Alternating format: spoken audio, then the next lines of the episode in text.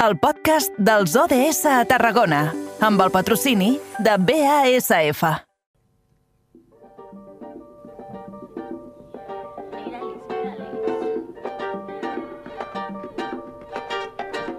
Sí, m'he enamorat de totes les meves amigues. A fucking fall in love.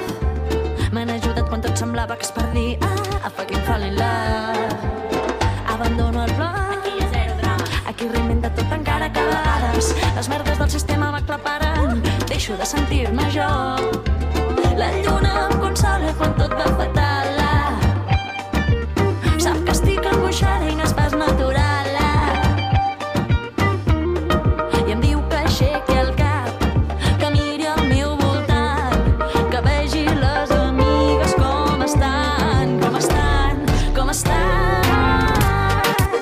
A ritme de la roba estesa, nosaltres seguim el nostre particular passeig pel Camp de Tarragona amb els ODS, els objectius de desenvolupament sostenible i aquest dimecres tornem a centrar la mirada en el número 5, que ens parla d'igualtat de gènere. De fet, avui ens centrarem en Cala Conxita, que per aquella gent que no ho sàpiga és el nou centre cultural d'empoderament i atenció a les dones. Abans de continuar, saludem a la nostra companya de la nova ràdio de Reus, Angie Aramayo. Bona tarda. Molt bona tarda, Eduard. I sí, com deies, avui parlem de Cala Conxita, que va obrir les seves portes la setmana passada.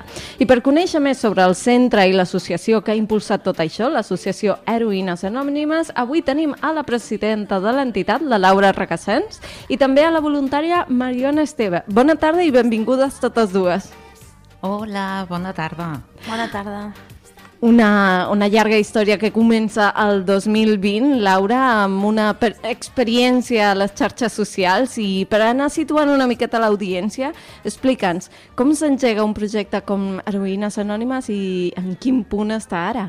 Bueno, de fet, com s'engega és una mica per inquietud personal de, de veure que cada 8M els referents i bueno, les referents que, que surten arreu són dones que han fet grans fites, però, però que després, en el fons, les nostres referents més properes, per mi, per exemple, la meva gran referent era la meva mare, queden invisibilitzades i, i no em semblava bé i a banda, o sigui, el 8M és el dia en què totes les dones prenen protagonisme uh -huh.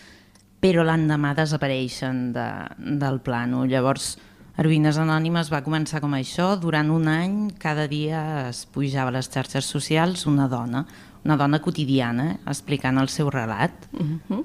De fet, jo uh, vaig començar a seguir aquest compte i de mica en mica crec que aquesta consciència es va passar a altres dones i entre elles trobem a la, a la Mariona, que justament uh, començava amb, com a voluntària i fins al dia d'avui. Mariona, com has vist tu aquesta, aquesta associació i quins creus que són els reptes que tenen per aquest 2023 i justament a, punt, a les portes d'un 8M?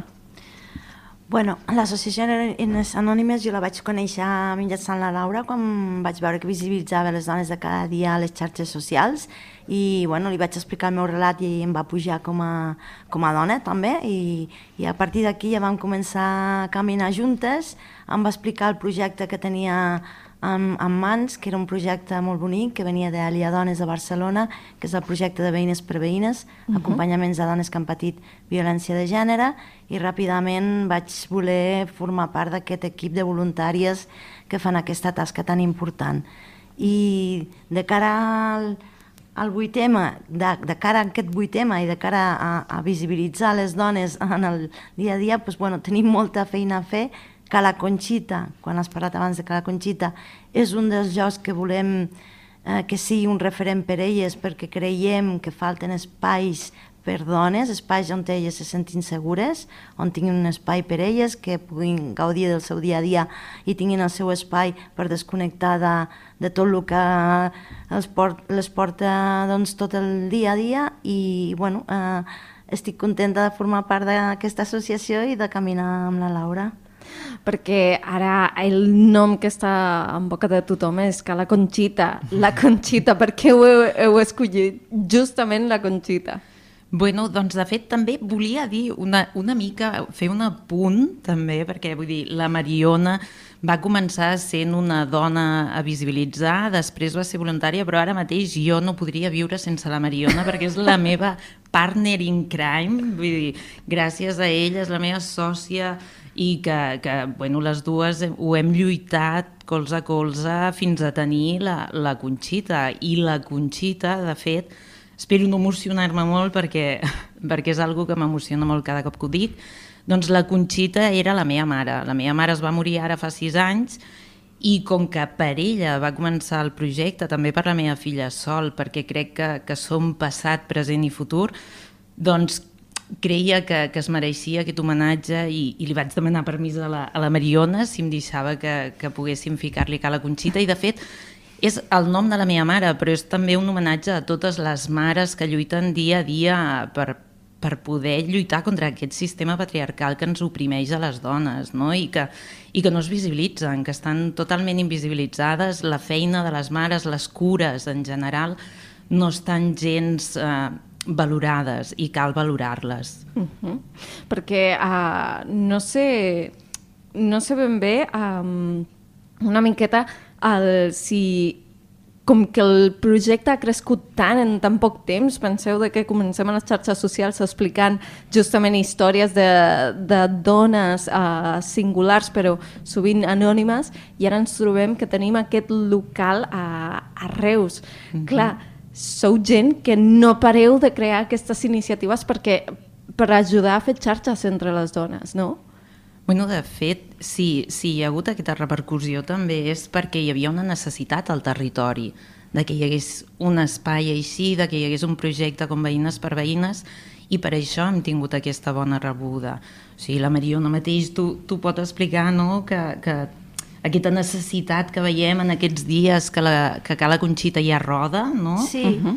Nosaltres ens, ens hem trobat al barri, no? I, i, a vegades penses, bueno, uh, al barri tindrem dificultat o no, i, i ens hem trobat amb, amb el que volíem, amb dones de barri, amb dones que passaven per allà, que veien el nostre escaparat on hi havia, on hi ha el quadrant d'activitats i que curosament, amb timidesa, entraven, ens explicaven la seva història de vida, els, hi, els hi hem dit aquests dies, veniu, feu activitats, avui mateix hem començat amb pilates, amb pilates, eren més de 10 dones, 10 dones a més a més amb una necessitat d'aquest espai, de, de sentir-se elles protagonistes, de tenir mm -hmm. aquest moment de desconnexió, vull dir, que al final visibilitzem a les dones de barri, visibilitzem a les dones de territori i creiem que és ultra necessari. I estem, hem, no, no ens ho creiem, eh, perquè al final eh, hem anat mm, creixent, picant pedra, creixent, picant pedra, però com dius tu, tu en poc temps eh, hem crescut i,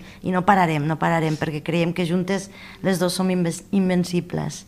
I, i, amb, I amb aquesta experiència de picar pedra, picar pedra eh, i créixer, eh, considereu que hi ha prou instruments eh, o, o prou recolzament per part de qui toqui, segurament que aquí eh, hi ha qui es pot sentir eh, o donar per eh, al·ludit, hi ha qui eh, té més eh, poder per avançar en el, alguna cosa, precisament a l'hora de reivindicar tot el que assenyalàveu ara fa un moment i que veurem com en el marc d'aquest 8 de març és aquell discurs que qui més qui menys es fa, es fa seu. Després passarà el 8 de març i segurament tornarà a caure en l'oblit fins al 8 de març de l'any que ve o fins al 25 de, de, de novembre, no? que són aquestes dues dates que a, a, acostumem, eh, i, i aquí també Mm, ho, ho diem d'altres, eh, en els mitjans de comunicació, a dedicar aquests espais en, en, en clau femenina i, i, i feminista.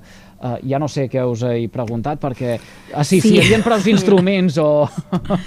si bueno, prou... uh, anant cap, a, cap al que dius de, de si hi ha prou recursos o si hi ha prou recolzament a, a totes les iniciatives que tenen al centre la dona, no no hi és tot aquest recolzament. En el picar pedra que deies, el picar pedra no ha estat fàcil. La, de fet, vull dir, la Mariona, el juny de l'any passat, li vaig dir, Mariona, vols venir a no cobrar amb mi?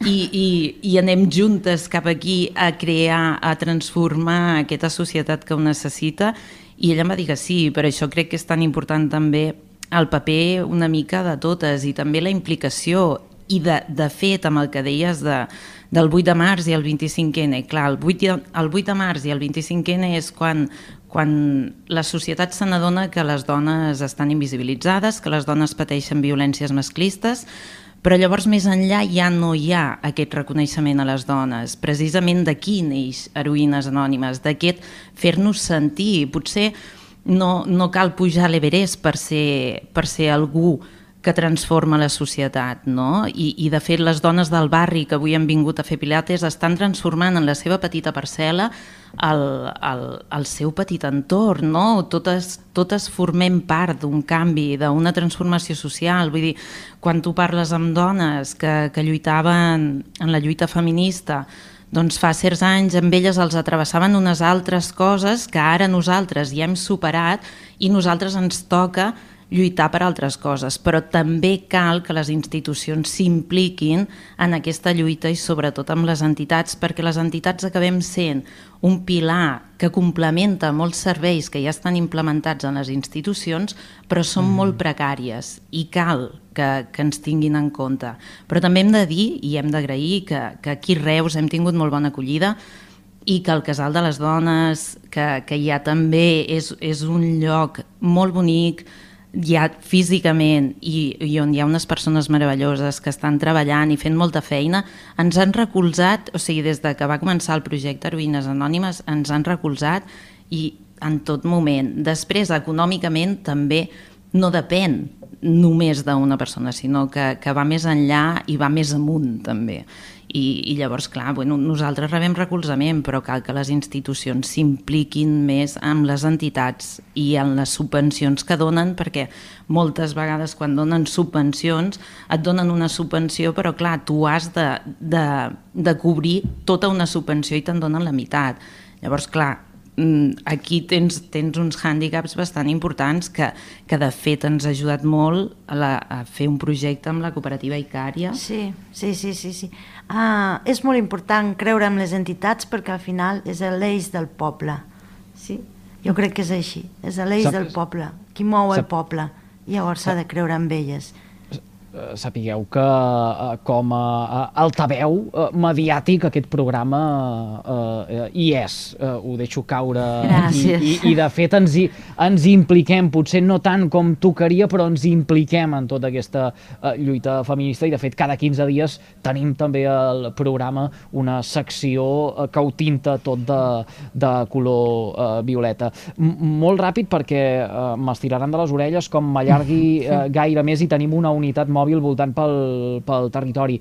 Uh, com com l'encareu aquest uh, eh, 8 de març? Ahir, per exemple, uh, parlàvem amb la gent del col·lectiu Cau de Llunes, que ens fan confiança, com dèiem, uh, mm. cada 15 dies, uh, i, i fèiem èmfasi en aquell lema, no? Unim-nos per una vida digna, juntes ho podrem tot.